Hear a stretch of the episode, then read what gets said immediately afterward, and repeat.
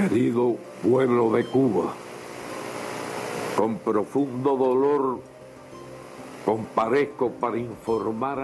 Fidel Castro er død, cubanere gråter og cubanere jubler. Hvem var han, hva betød han? Hør historiene om frigjøringslederen i uniform med sigar. Strendene i Tyrkia ligger røde. Cecil Wold dro dit og fant en barnesko og en badering. I Kenya finnes det landsbyer med bare kvinner. Det er ikke uten grunn. Vi skal også til Colombia, som stiller med ny fredsavtale, og til franske dramatiske nominasjoner. Velkommen til Urix på lørdag. Jeg heter Tom Christiansen, og vi skal dessuten høre korrespondentbrevet fra Washington. Fidel Castro er død. Cubas tidligere president ble 90 år og sovnet stille inn fredag kveld. Han skal kremeres allerede i dag, forteller hans bror Raúl Castro, den regjerende president. Frigjøringsleder på 50-tallet, reformater på 60-tallet, diktatorisk på 70-tallet og mildere siden. Han gikk av i 2008, men fortsatte som førstesekretær for kommunistpartiet, det eneste tillatte. Halvard Sandberg har sett nærmere på historien om Fidel Castro. 1.1.1959, en historisk dag for sosialismen og Cuba. En svart dag for antikommunistene i Vesten, og en blandet dag for Sovjetunionen. Revolusjonen i øystaten var et faktum. Fidel Castro med sitt skjegg, uniform, sigar, lange kropp, sjarmerende smil og intelligente øyne ble en internasjonal kjendis og et symbol for mye i forskjellige miljøer. Han ble ikke født inn i fattige kår, tvert imot.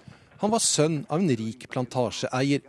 Han var mer som en nasjonalist å regne i begynnelsen. Han ville bare at Cuba skulle styre seg selv, og ikke være en sukkerstat under USA.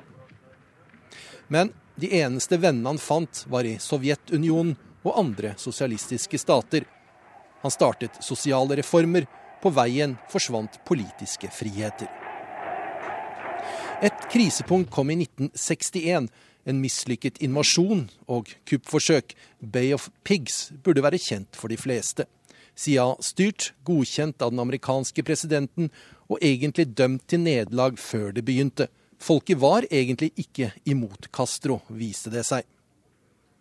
Så kom det store punktet både for Cuba og resten av verden.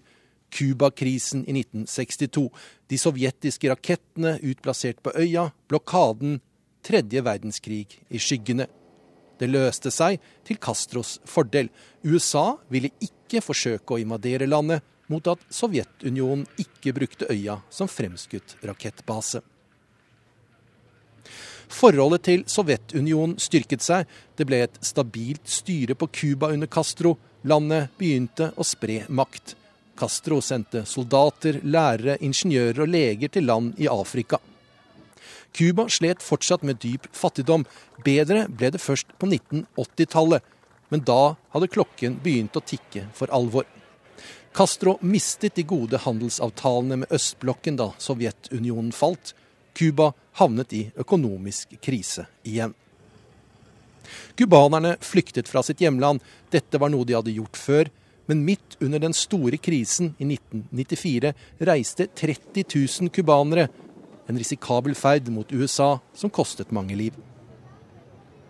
Forholdet til omverdenen begynte å bli bedre. Trusselen om en stor krig mellom øst og vest var vekk. Et isolert Cuba og de amerikanske sanksjonene mot landet ble sett på som historiske anakronismer.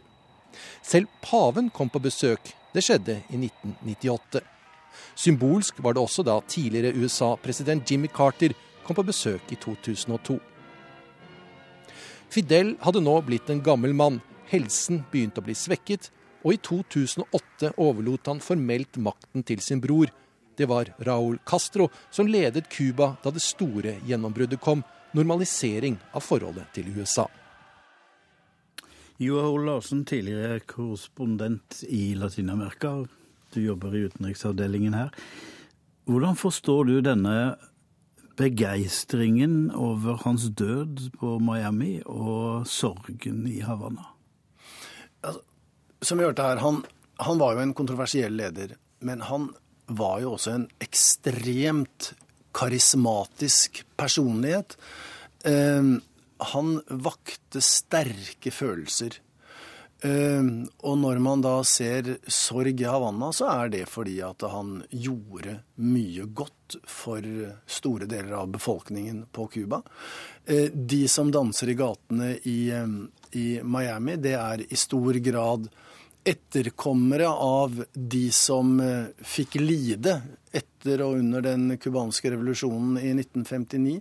De som flyktet, de som var uenige i Castros politiske linje, de som hadde privilegiene på 50-tallet og mistet dem, de som fremdeles lengter tilbake til et Cuba slik det en gang var, med en eh, overklasse og med fattige arbeidere som sørget for at de fikk sitt sukker og fikk sine sigarer og tjente sine penger. Slik at uh, dette er både på et vis, som jeg sa, altså personlige og private reaksjoner. Men, men det er jo i høyeste grad politiske reaksjoner. I Cuba har de fryktet denne dagen lenge. Eh, I Miami og i Florida så har de sett frem til denne dagen i 50 år. Så det er forutsigbare reaksjoner. Vegard By, du er forfatter og forsker og Cuba-kjenner, som vi har uh, hatt i våre, i våre, studier mange ganger gjennom årene.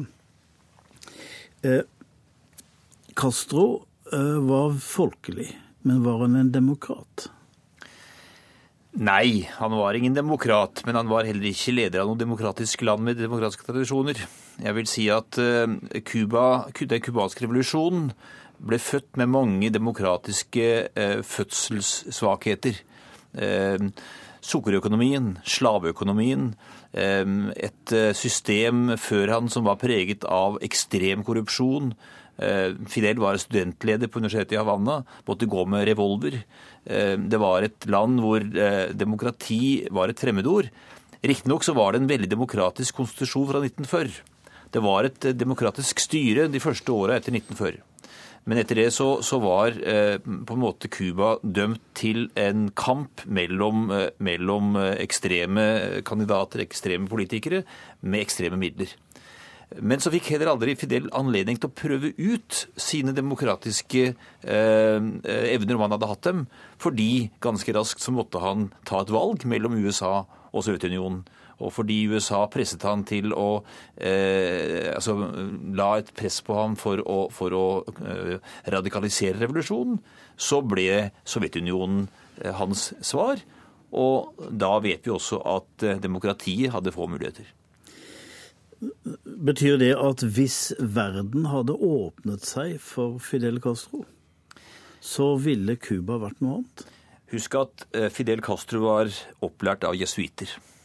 Han gikk på jesuittskole fra han var en liten guttunge.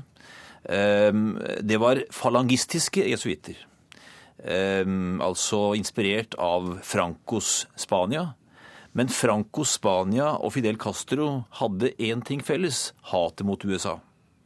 Altså Antiimperialismen, nasjonalismen, var like mye et resultat av hans jesuittiske opplæring som av hans eh, marxistisk og, og, og, kan du si senere sosialistisk eh, virkelighetsforståelse. Husk at hans far kom til, kom til Cuba som soldat i den spanske kolonihæren. Altså eh, i sluttkampene før, eh, eh, fikk sin uavhengighet av Spania, så var hans far på den spanske kolonihærens side. Kom tilbake senere som en fattig, eh, fattig bonde som bygde seg opp til å bli en rik Eh, plantasjeeier. Fidel hadde alle, alle disse, disse eh, delene med i sin politiske eh, opplæring og utvikling. Så er det jo en interessant historie, Joar, med Che Guevara. Den store frigjøringshelten ved siden av han, men et ikon på en veldig spesiell måte. Plakatene hang jo på studentenes soverom. Det var et spesielt forhold mellom Castro og Che Guevara. Og var mye på Cuba. Ja, altså denne, denne, argentinske legen Ernesto Guevara han, han, var jo på reise i Latin-Amerika og var i, i, Guatemala i 1954 under kuppet der. Så hvordan verden var. Litt på samme måte som at Fidel Castro opplevde jo også sterke scener i Colombia i 1948. De hadde begge erfaring fra andre latinamerikanske land når det gjaldt uh, undertrykking når det gjaldt eh, fattigdom, når det gjaldt utbytting, når det gjaldt korrupsjon, som Vegard sier, osv. Og, så og ikke minst når det gjaldt eh, USAs innflytelse. Slik at eh, de var på den ene side veldig forskjellige, men på den annen side så var de jo da brødre i ånden.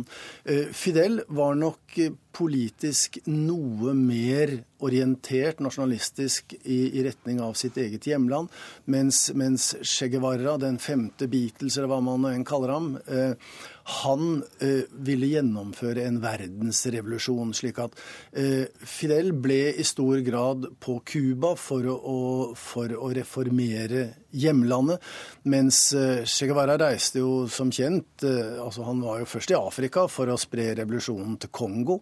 Eh, og ikke minst altså De ble ikke imponert over han?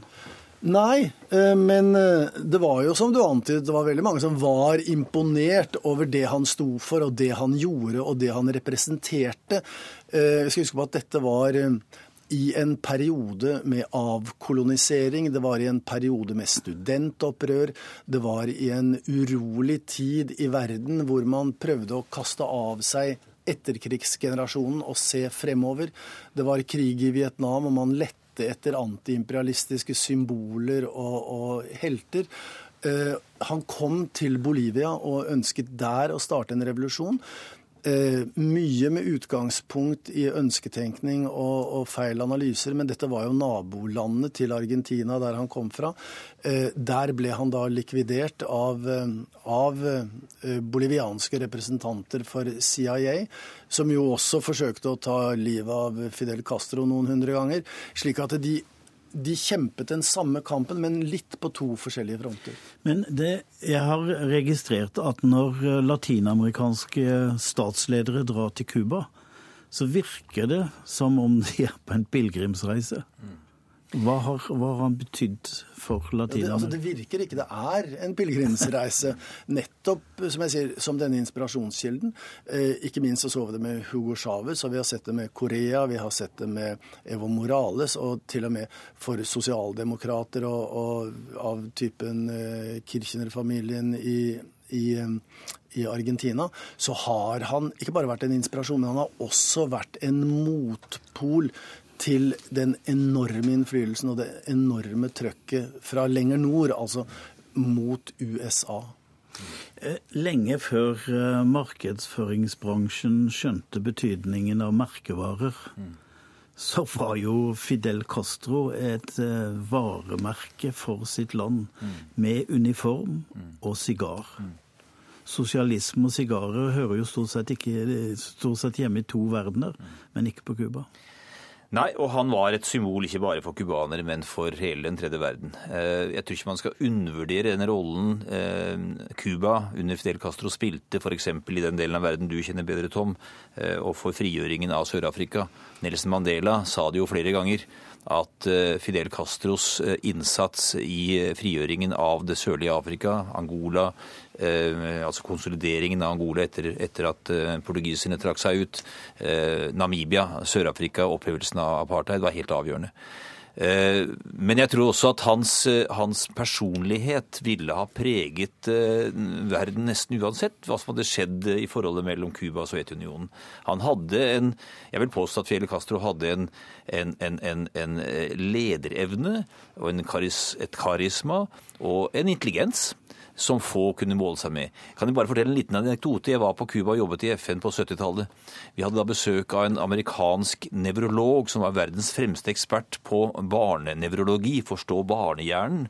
Han fikk, eh, skulle få et lite besøk med Fidel, med en liten samtale med Fidel. Den varte i sju timer.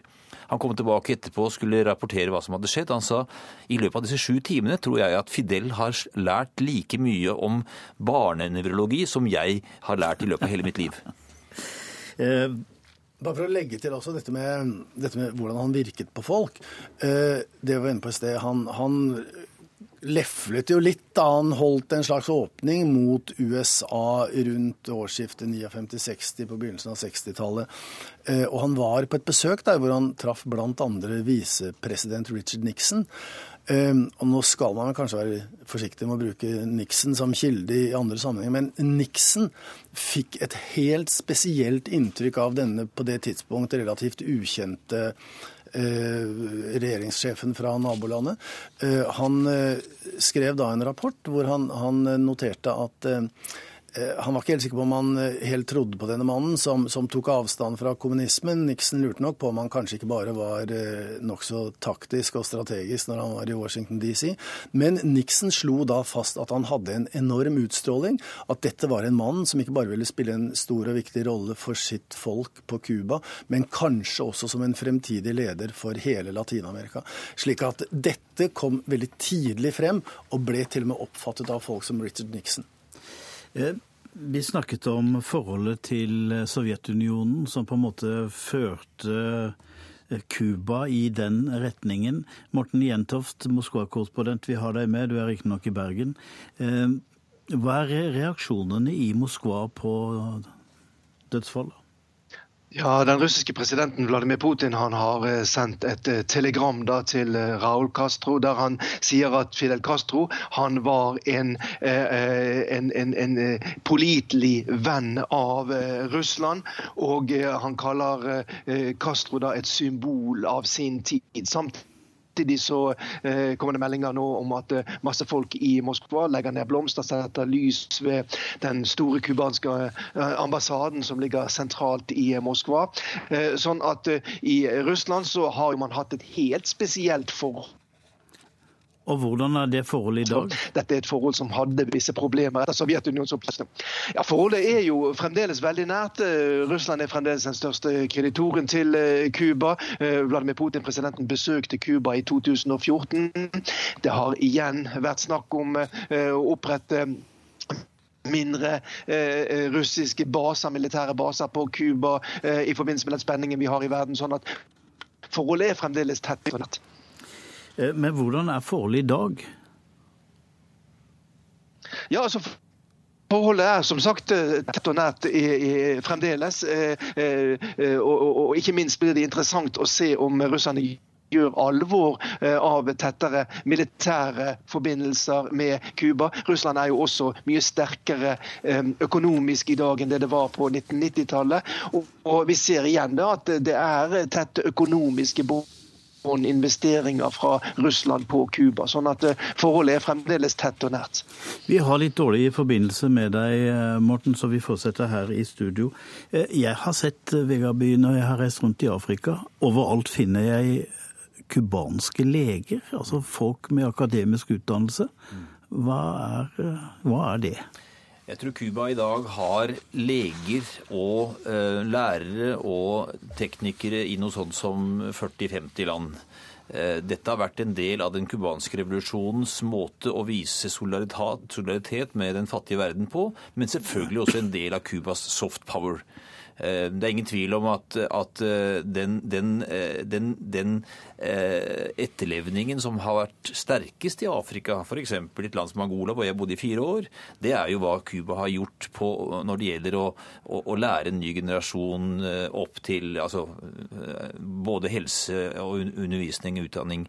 Et lite eksempel på hvordan dette har spilt inn i forhold til Norge. Eh, etter jordskjelvet på Haiti så sendte Cuba en stor delegasjon helsearbeidere. Eh, men de hadde ikke så mye penger, så det var betalt av Norge. Norge har finansiert en stor cubansk helsebrigade på, Cuba, eh, på Haiti. Så, og, og, det er klart I dag finnes det vel noe sånt som 50 000 leger i Venezuela, 12 000 i, i Brasil. Men krisa i både Venezuela og Brasil gjør jo at dette blir vanskelig å opprettholde. Men den delen av den cubanske eh, solidariteten har vært veldig veldig viktig. Det har vært en del brudd på menneskerettighetene, ytringsfriheten særlig. Arrestasjon av både journalister og forfattere. Likevel, når du skal oppsummere hele mannen, vil historien tilgi ham? Ja, Dette var jo tittelen på hans forsvarstale i, i, 1955. 'Historien vil frikjenne meg'. Altså etter at han hadde gjort eh, første forsøket på å velte Batista. Vel, det vil sikkert eh, historikerne strides om, og ikke minst politikerne. Eh, jeg tror dette vil være veldig avhengig av hva som skjer nå. Vil uh, reformprosessen fortsette? Vil USA under Trump tillate at normaliseringen fortsetter? Vil Cuba komme inn i et spor man kan opprettholde velferdssamfunnet? For Cuba har hatt en velferdsstat som er nå under sterkt press. Den trenger en økonomisk utvikling, reform, for å kunne overleve. Jeg tror at hvis, hvis, det skjer, så vil også mye av historien komme til å ende opp med en, en godkjenning av Fidels eh, historiske innsats. Da får vi vite at uh, Fidel Castro skal begraves den 4. Uh, 4. desember. Det er sagt at han skulle kremeres i dag, men begravelsen blir altså 4. desember. Da sier jeg takk til eh, Vegard By, Joar Hoel Larsen og Morten Jentoft.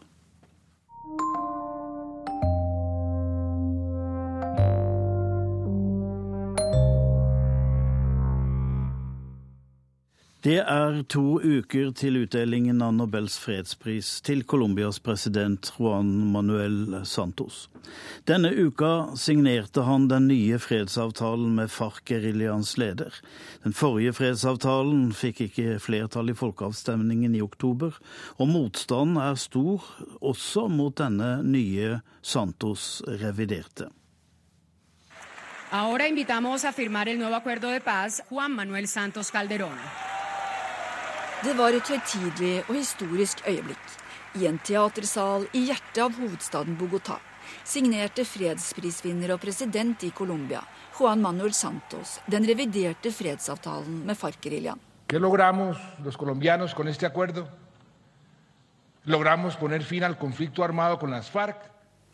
Vi har klart å avslutte den væpnede konflikten med FARC og legge grunnlaget for en stabil og varig fred, sa Santos i sin tale.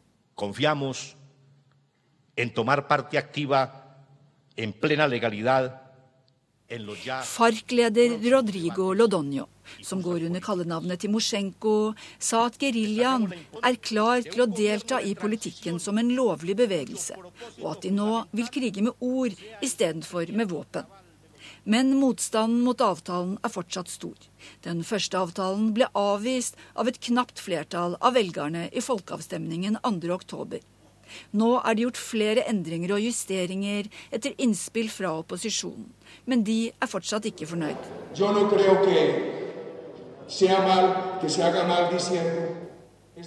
Tidligere president Alvaro Ribe, som ledet nei-kampanjen, mener endringene i den nye avtalen er kosmetiske, og at den vil gi full straffefrihet til FARC, som han sa i et intervju etter signeringa.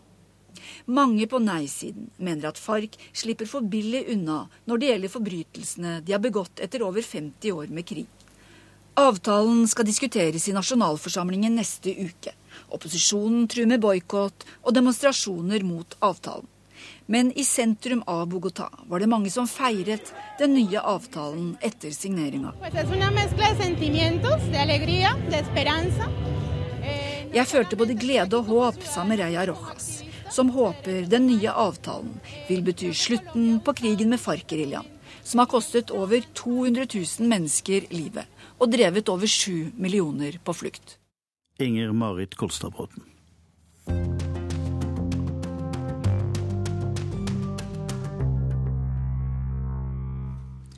Vi skal til Tyrkias strender. Der fant korrespondent Sissel Wold ikke annet enn barnesko og ødelagte gummibåter. Fra kystbyen Sesme har menneskesmuglere sendt tusener av flyktninger over til den greske øya Kios. Nå har trafikken stilnet, men både smuglere og flyktninger og hotelleiere håper på en ny flyktningstrøm nå som EU har lagt samtalene med Tyrkia på is.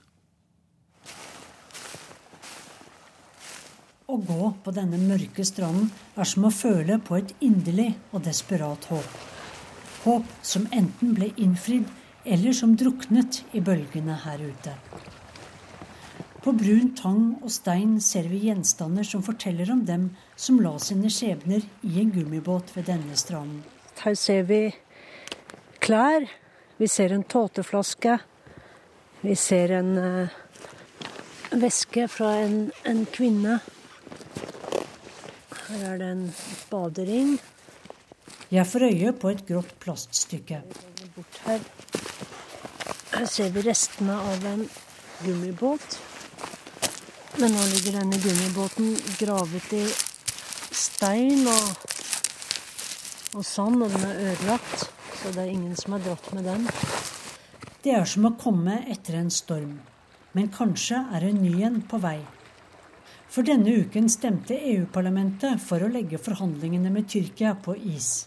Ingen bindende avstemming, men den setter en tone. President Erdogan svarte med trusler om å åpne grensene til Europa igjen for migranter og flyktninger. Det tyrkiske feriestedet Chesme ved Egerhavet ligger en times kjøring fra vakre Ismir. Kontrasten mellom velstående tyrkere på ferie og syrere som hadde mistet alt i krigen, var stor. Flyktningene hadde ikke mer å tape enn sitt eget liv da de bega seg hit til fots. På stranden står jeg sammen med min tyrkiske kollega Banu Shen fra Izmir. So Vi ser over til den greske øya Kios, som er så nære, så nære. Vi kan se husene der godt.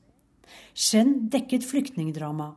The women and children, especially, they were very scared to go to the sea.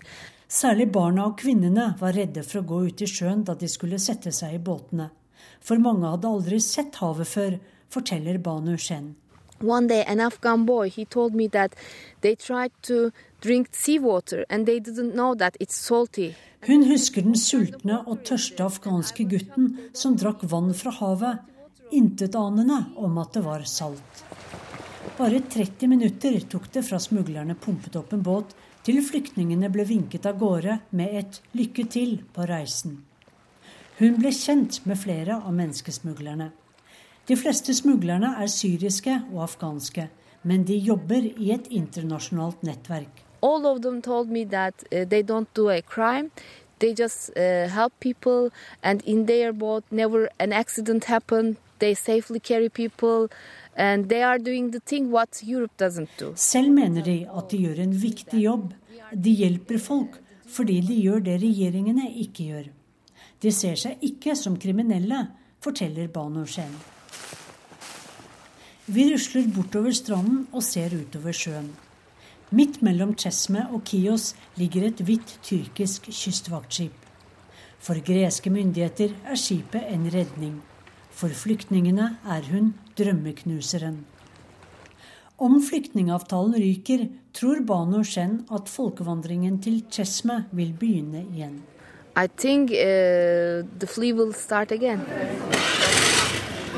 I de trange gatene i Basmane, i Ismirs bakgård, ser vi redningsvester til salgs sammen med all slags isenkram og verktøy. Det er på torget i Basmane det skjer. Her møtes flyktning og smugler.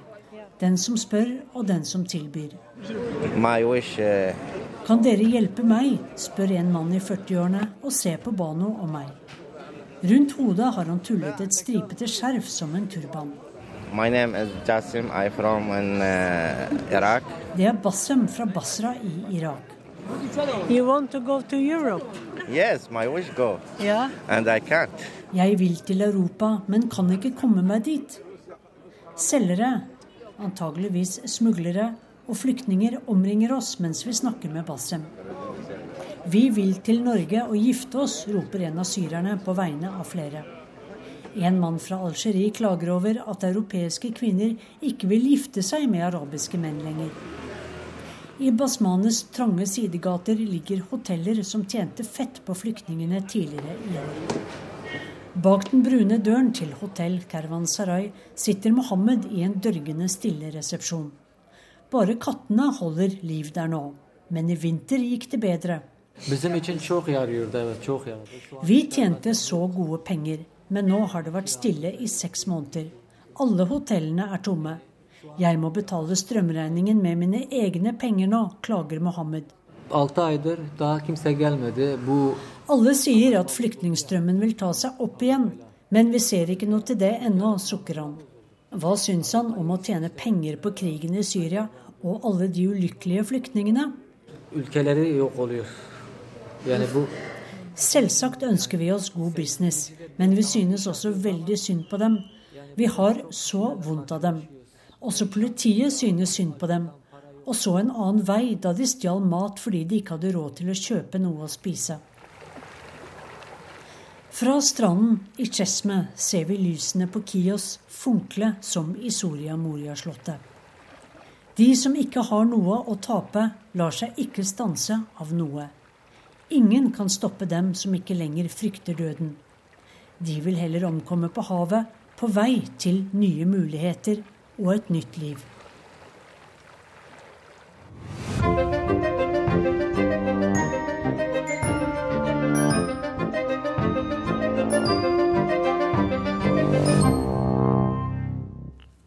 I morgen er det siste runde i nominasjonene til det franske konservative partiet, som nå heter Republikanerne. Tidligere president Sarkozy er allerede slått ut. Det kom som en overraskelse. Nå står det mellom to tidligere statsministre. Aldri før har franskmenn følt at nominasjonen hos et av de store partiene har betydd mer. Torsdag kveld møttes de to gjenværende kandidatene hverandre i en siste TV-debatt.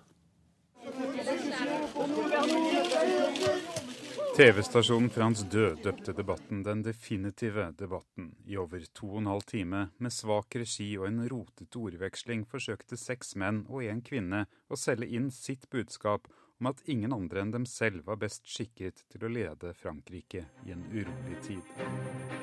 Le monde qui s'annonce, c'est un monde qui ne fera aucun cadeau à la France. L'unité autour de nos valeurs, l'unité autour des symboles de la République, Francois Fillon ba folk om å følge sin egen overbevisning og ikke la seg styre av meningsmålingene. Nå synes han kanskje det er en god idé om de følger meningsmålingene. De peker hans vei.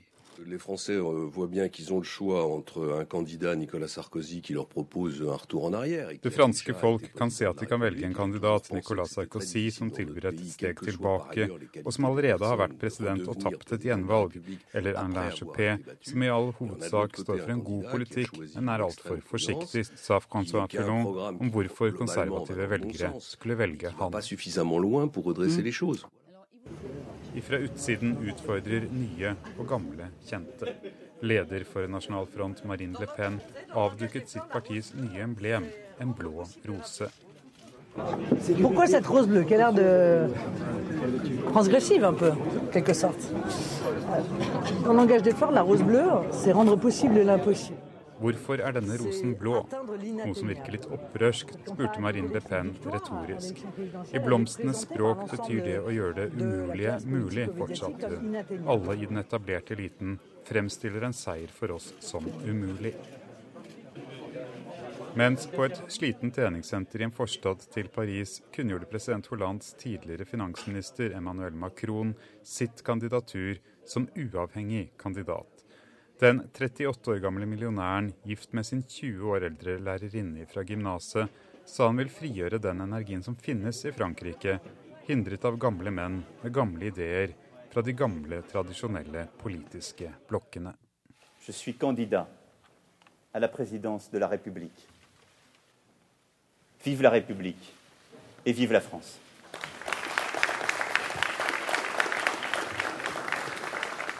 Philip Lotte, du er vår eh, korrespondent i Europa. Hvorfor er det slik intens spenning før nominasjonene til Det konservative partiet? Det er annerledes enn før. Det handler om at eh, de tror at den som vinner den konservative nominasjonen, eh, blir den personen som har størst sjanse til å bli president, og er den personen som også er nødt til å slå Marine Le Pen, altså lederen for Nasjonal Front. Hun har ganske sterk oppslutning, og selv om det er få som tror hun går hele veien, så er det mange, de aller fleste, tror at hun går til aller siste runde og blir en av to som står igjen når franskmennene til slutt skal bestemme hvem som blir president eh, i, i, mai. Og Derfor så var eh, Alain Juppé, som har vært favoritt til nå, i en voldsom forsvarsposisjon etter den eh, første runden av nominasjonsvalget til de konservative, for han ble overraskende slått av Francois Fillon. Eh, og han har da gått i relativt krasse angrep også i den siste TV-debatten og i løpet av den siste uken. Han har kritisert ham for å ha nære bånd til, eh, for nære bånd til Russland. Fjå ønsker bl.a. å oppheve EUs sanksjoner eh, mot Russland. og Det er noe som Putin har ønsket velkommen og sagt at han gjerne ser at Fjå blir president i Frankrike. Og Juppé sa da at det er første gang at han har hørt at en russisk president har forsøkt å blande seg inn inn og bestemme hvem som skal bli president eh, i Frankrike. Det høres ut som du står på et restaurantkjøkken, det gjør du kanskje også. Hvordan vil du beskrive, Hvordan vil du beskrive disse to kandidatene? Eh, Francois Fillot er en eh, gammeldags eh, konservativ, en klassisk konservativ, en, et, en, fan av Ronald Reagan, en eh, fan av Thatcher. Han er for en streng kriminalpolitikk, en liberal økonomisk politikk. Og så eh, har han en konservativ sosialpolitikk og et konservativt syn på kultur og hva identitet og hva Frankrike er. Og Sånn sett så har han nok eh, ganske stor appell til mange. Alain Juppé, som er ni år eldre, som er 71 år gammel, han mener at hjertet eh, hos franskmenn flest, altså ikke kun hos de konservative, men hos alle franskmenn ligger mer i sentrum. og Både ut fra personlig overbevisning om, han, hvordan han tror de konservative kan vinne valget, så mener han at man må eh, ha en mildere tone, man må ha mer dialog med innvandrergrupper, og man må prøve å samles om de franske verdiene istedenfor å kritisere så mange for at de ikke slutter opp om dem, så må man heller prøve å forene seg om eh, disse verdiene. Eh, og han sier at av oss to så er det faktisk kun jeg som kan forene Frankrike. Så, det er sterke ord. og etter første runde så ledet uh, overraskende ganske mye, men Juppé har tatt inn litt grann. De første meningsmålingene Eh, viser eh, etter TV-debatten på torsdag viser at Fior ligger på en sånn 57 mens Juppé ligger da på en 43 Så det kan vippe begge veier, dette her. Helt kort til slutt, eh, Philip Lote. Hvorfor er dette valget, nominasjonen, viktig for Berlin, Brussel, europeiske hovedstader? Ja, Det er viktig hvor Paris går. for det at eh, Hvis eh, Marine Le Pen skulle få makten, så vil jo hun eh, og Nasjonal Front for makten, så, de, så begynner de et korstog mot EU. og Det vil den øvrige makteliten i Europa føle som veldig truende. Og som du sa, jeg står nå på et eh, fransk kjøkken, og like over etasjen over meg så er det et møte med en annen kandidat, Emmanuel Macron, som forsøker å lansere seg som kandidat. og Han ønsker også å holde Frankrike i EU. så det er det handler om Frankrikes verdier.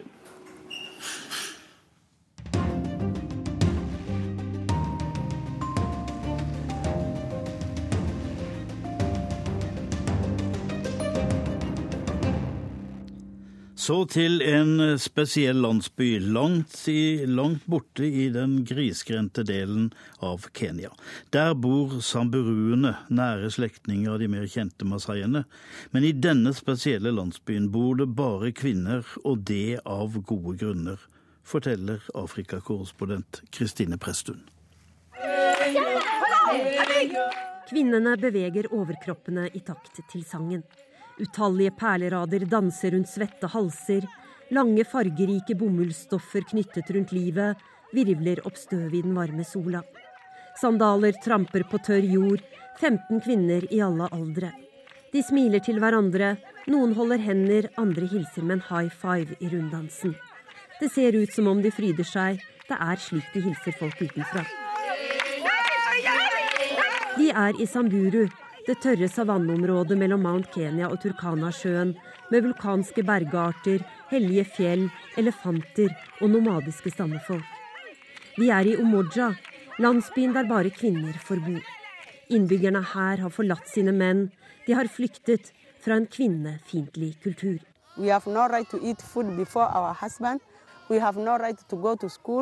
Vi får ikke spise mens mennene ser på. Vi får ikke gå på skole, ikke eie land, vi har ingen rettigheter. Selv livet vårt kan menn ta fra oss, de kan drepe oss hvis de vil. Det sier Rebekka Lolosoli, landsbyens matriark, en bredskuldret kvinne med et fast blikk. Det var hun som grunnla kvinnelandsbyen for 25 år siden. Da hadde hun prøvd å ta opp kvinners rettigheter med sine slektninger, og ble banket opp så kraftig at hun havnet på sykehus.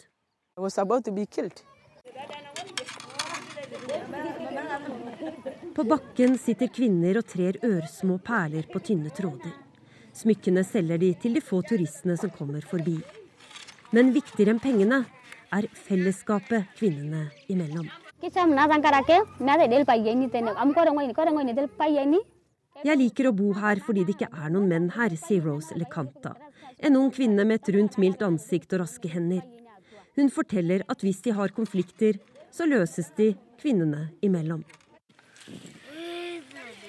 Hos samburene er det kvinnene som bygger hus. Og på et hustak står en 70 år gammel bestemor og surrer fast et trekk av plast. Huset er laget av kumøkk, aske og jord. Plassen er ekstra beskyttelse nå i regntiden. Ester Lecanta ler, mens hun forteller at hun er glad for å gjøre ting selv og slippe masete menn.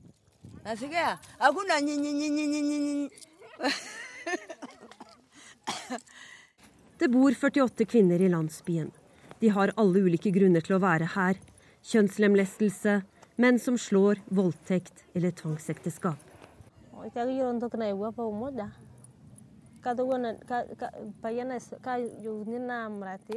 33 år gamle Gabrielle Leripe tar ned klær fra akasietreet, stedets tørkestativ. Hun forteller at hun ble tvunget til å gifte seg med en mann som var mye eldre enn henne. Hun flyktet hit for fem år siden og har ingen planer om å forlate landsbyen. Ansiktet hennes gløder i den lave kveldssola. Hun sitter på trammen og bretter sammen det rene tøyet. Ut av den lave døra kommer ei ung jente bærende på Leripe seks måneder gamle sønn. Voksne menn har ikke lov til å bo i denne landsbyen, men det er lov til å date og ha kjærester.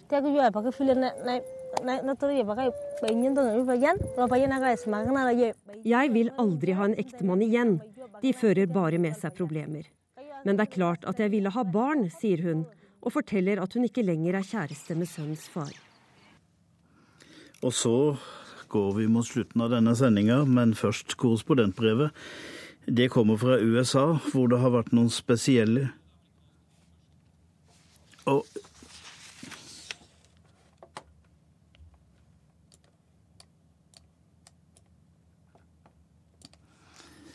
Da skal vi til USA, men ikke til korrespondentbrevet. Vi skal høre om amerikansk hat. Det vil si, det har vært en retorikk de siste ukene i valgkampen som har forskrekket mange. Men det er ikke av ny dato. Det har, sett, det har Joar Hoel Larsen sett nærmere på. These groups what to think. Uh, they uh, have, you know, had their own white supremacist ideology for many decades now. What Trump is doing is legitimizing. Det er Mark Potok ved Southern Poverty Law Center som sier dette. Trump styrer ikke disse gruppene, sier Potok. Og USAs neste president har selv tatt avstand fra støttespillere som snakker om hvit overhøyhet.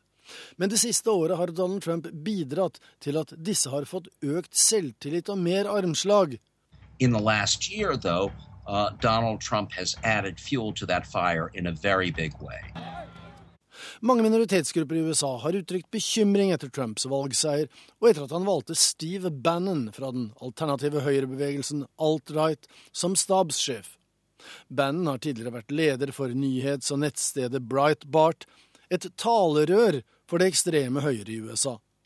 Richard Spencer i tenketanken National Policy Institute er en profilert talsmann for denne bevegelsen. Hail Trump! Hail our people! Hail victory!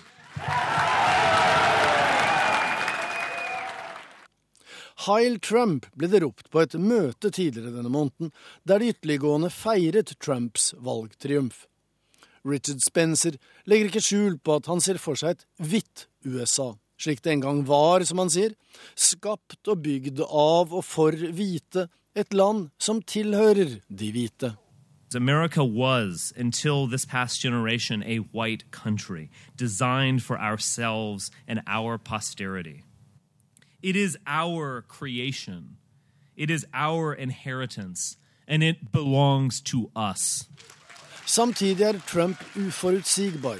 Forrige uke utnevnte han Sør-Carolinas guvernør Ricky Haley til FN-ambassadør. En republikaner som ikke akkurat har støttet ham. And that our next president will Marco Rubio. Noe hun en smule beskjemmet, eller kanskje tilfreds, kommenterte da hun ble utnevnt. Well, I won't pretend to have always been President elect's biggest cheerleader. I did vote for him. Men hun er altså en Trump-kritisk kvinne født av indiske innvandrerforeldre tilhørende sikh-religionen. Men ikke akkurat drømmekvinnen for den rasistiske høyresiden i ytterkanten av Trumps hvite maktbase. Donald Trump selv har uttalt at han er den minst rasistiske personen man kan tenke seg, selv om han har gitt uttrykk for fremmedfiendtlige og diskriminerende holdninger og handlinger, både som presidentkandidat og som businessmann. Og han svarte svært unnvikende da han i valgkampen ble bedt om å kommentere at David Duke i Ku Klux Klan støttet ham. You know, I know nothing about David Duke. I know nothing about white supremacists. And so you're asking me a question that I'm supposed to be talking about people that I know nothing about. Men 60 millioner amerikanere stemte på Donald Trump, og han vant angivelig på grunn av bekymrede hvite menn med lav utdannelse og dårlige fremtidsutsikter. Men det er ikke 60 millioner av dem, og de er heller ikke alle rasister. Men noen av dem er det, og de er det mer åpent nå enn tidligere.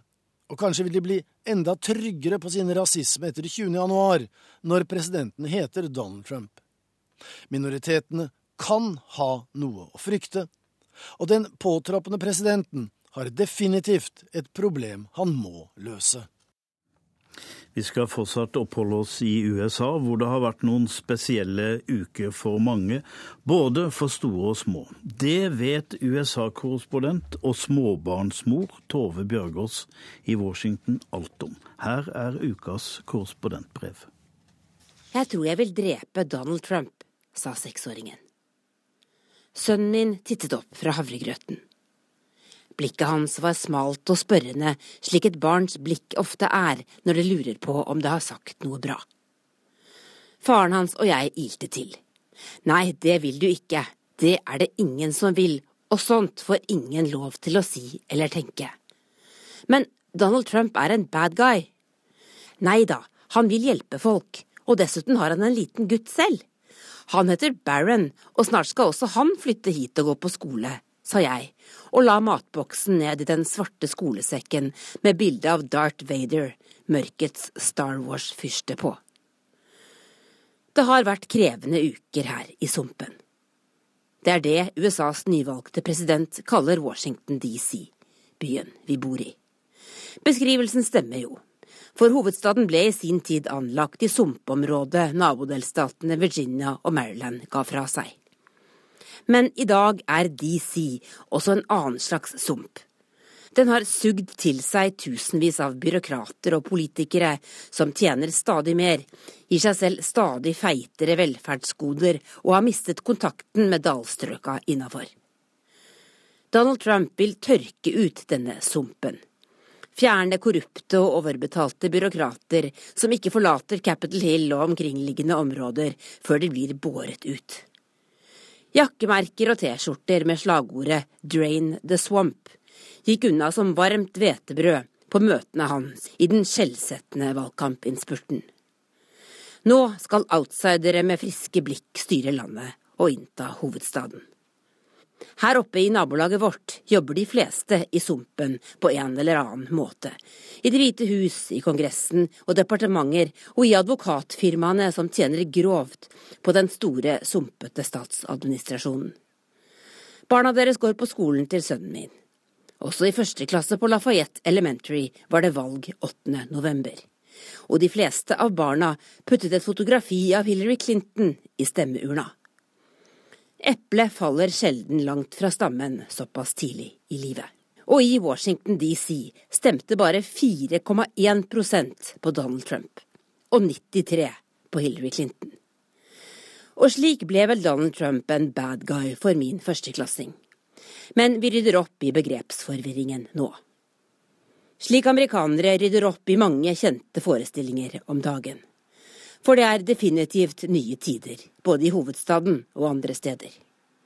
En psykolog jeg kjenner, sier hun ikke har hatt så stor pågang siden like etter 11. september-angrepene for 15 år siden. Terapivante washingtonere strømmer til psykologer for å bearbeide valgresultatet. Og slik passer de rett inn i det bildet det andre USA har av dem. Jeg er så lei av alle sytepavene som støtter Hillary, sa en Trump-velger jeg møtte i valgkampen. Han snakket først og fremst om disse høyt utdannede snobbene som til og med tar seg råd til slike ting som å gå til psykolog. Etniske skillelinjer var ikke de viktigste mellom de som stemte på Trump og de som stemte på Clinton 8. november. Det var det først og fremst en annen skillelinje som var. Utdanning. Det er blitt skrevet side på side, kronikk etter kronikk om dette de siste ukene. Hvordan kunne den høyt utdannede eliten i Det demokratiske partiet så til de grader lese stemningen i landet feil? Hvordan kunne det ha seg at meningsmålingene ikke stemte, at prediksjonsmodellene ga Clinton en soleklar seier, at partiet totalt hadde mistet tilliten i den hvite arbeiderklassen, men ikke hadde forstått hvor hun lå begravet? Mange av ekspertene som analyserer Trump-velgerne, framstår som antropologer, mens de beskriver sinte hvite menn og frustrerte hvite kvinner med røde capser og amerikanske flagg i hagen. Det har jeg kanskje gjort selv også, i min iver etter å forklare hva det er som har skjedd her det siste året. Men egentlig er det mest trist, det som har skjedd. Og det hadde det vært også om Hillary Clinton hadde vunnet flertall av valgmannsstemmene. For splittelsen og mistilliten er så dyp. Frykten for det som kommer etter jul, er sterkere enn ved noe maktskifte jeg har opplevd her. Den bitre striden mellom Bush og Gore i 2000 blekner i sammenligning. Og splittelsen hadde altså vært minst like sterk om valgresultatet hadde blitt et annet.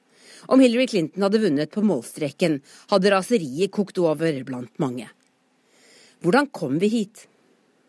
Denne langhelga har vi samlet oss rundt middagsbordene for å takke. Men mange reiste ikke hjem til familien slik de pleier for å feire høsttakkefesten, den viktigste familiehøytida for de fleste amerikanere. Advokaten fra Wisconsin jeg kjenner, orker ikke å sitte rundt samme bord som familien som bidro til at Trump vant en av delstatene i rustbeltet. Det finnes tallrike slike historier. CNN gikk så langt som til å lage en egen app som kan styre samtalen unna politikk under kalkunmiddagen og det som kommer før og etter. Jeg har tilbrakt høytiden i Bernie Sanders' hjemland, Vermont.